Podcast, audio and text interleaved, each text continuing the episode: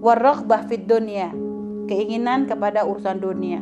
Hilang rasa zuhud. Jadi tomak kepada dunia. Dunia, dunia, ketenaran tuh dunia. Pengen viral. Dunia tuh. Kalau sekarang kan dunianya begitu. Tontonan apa yang kamu perlihatkan?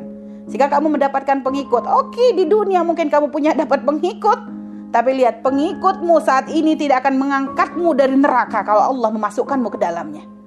Kalau ternyata selama ini yang kita tontonkan adalah satu perkara yang tidak terhormat, kehinaan, kita nggak pernah ngajarin orang untuk semakin dekat dengan Allah, bahkan menjadikan orang mungkin jauh dari syariat. Maka lihat, pengikut yang banyak ini mereka akan semakin menjerumuskanmu kepada kehinaannya Allah. Karena kita merasa sudah punya dunia, sudah banyak orang yang suka, lupa. Kadang itu namanya istidraj. Istidraj itu apa? Kayak kayak nikmat, tapi ternyata itu cara Allah untuk merendahkannya.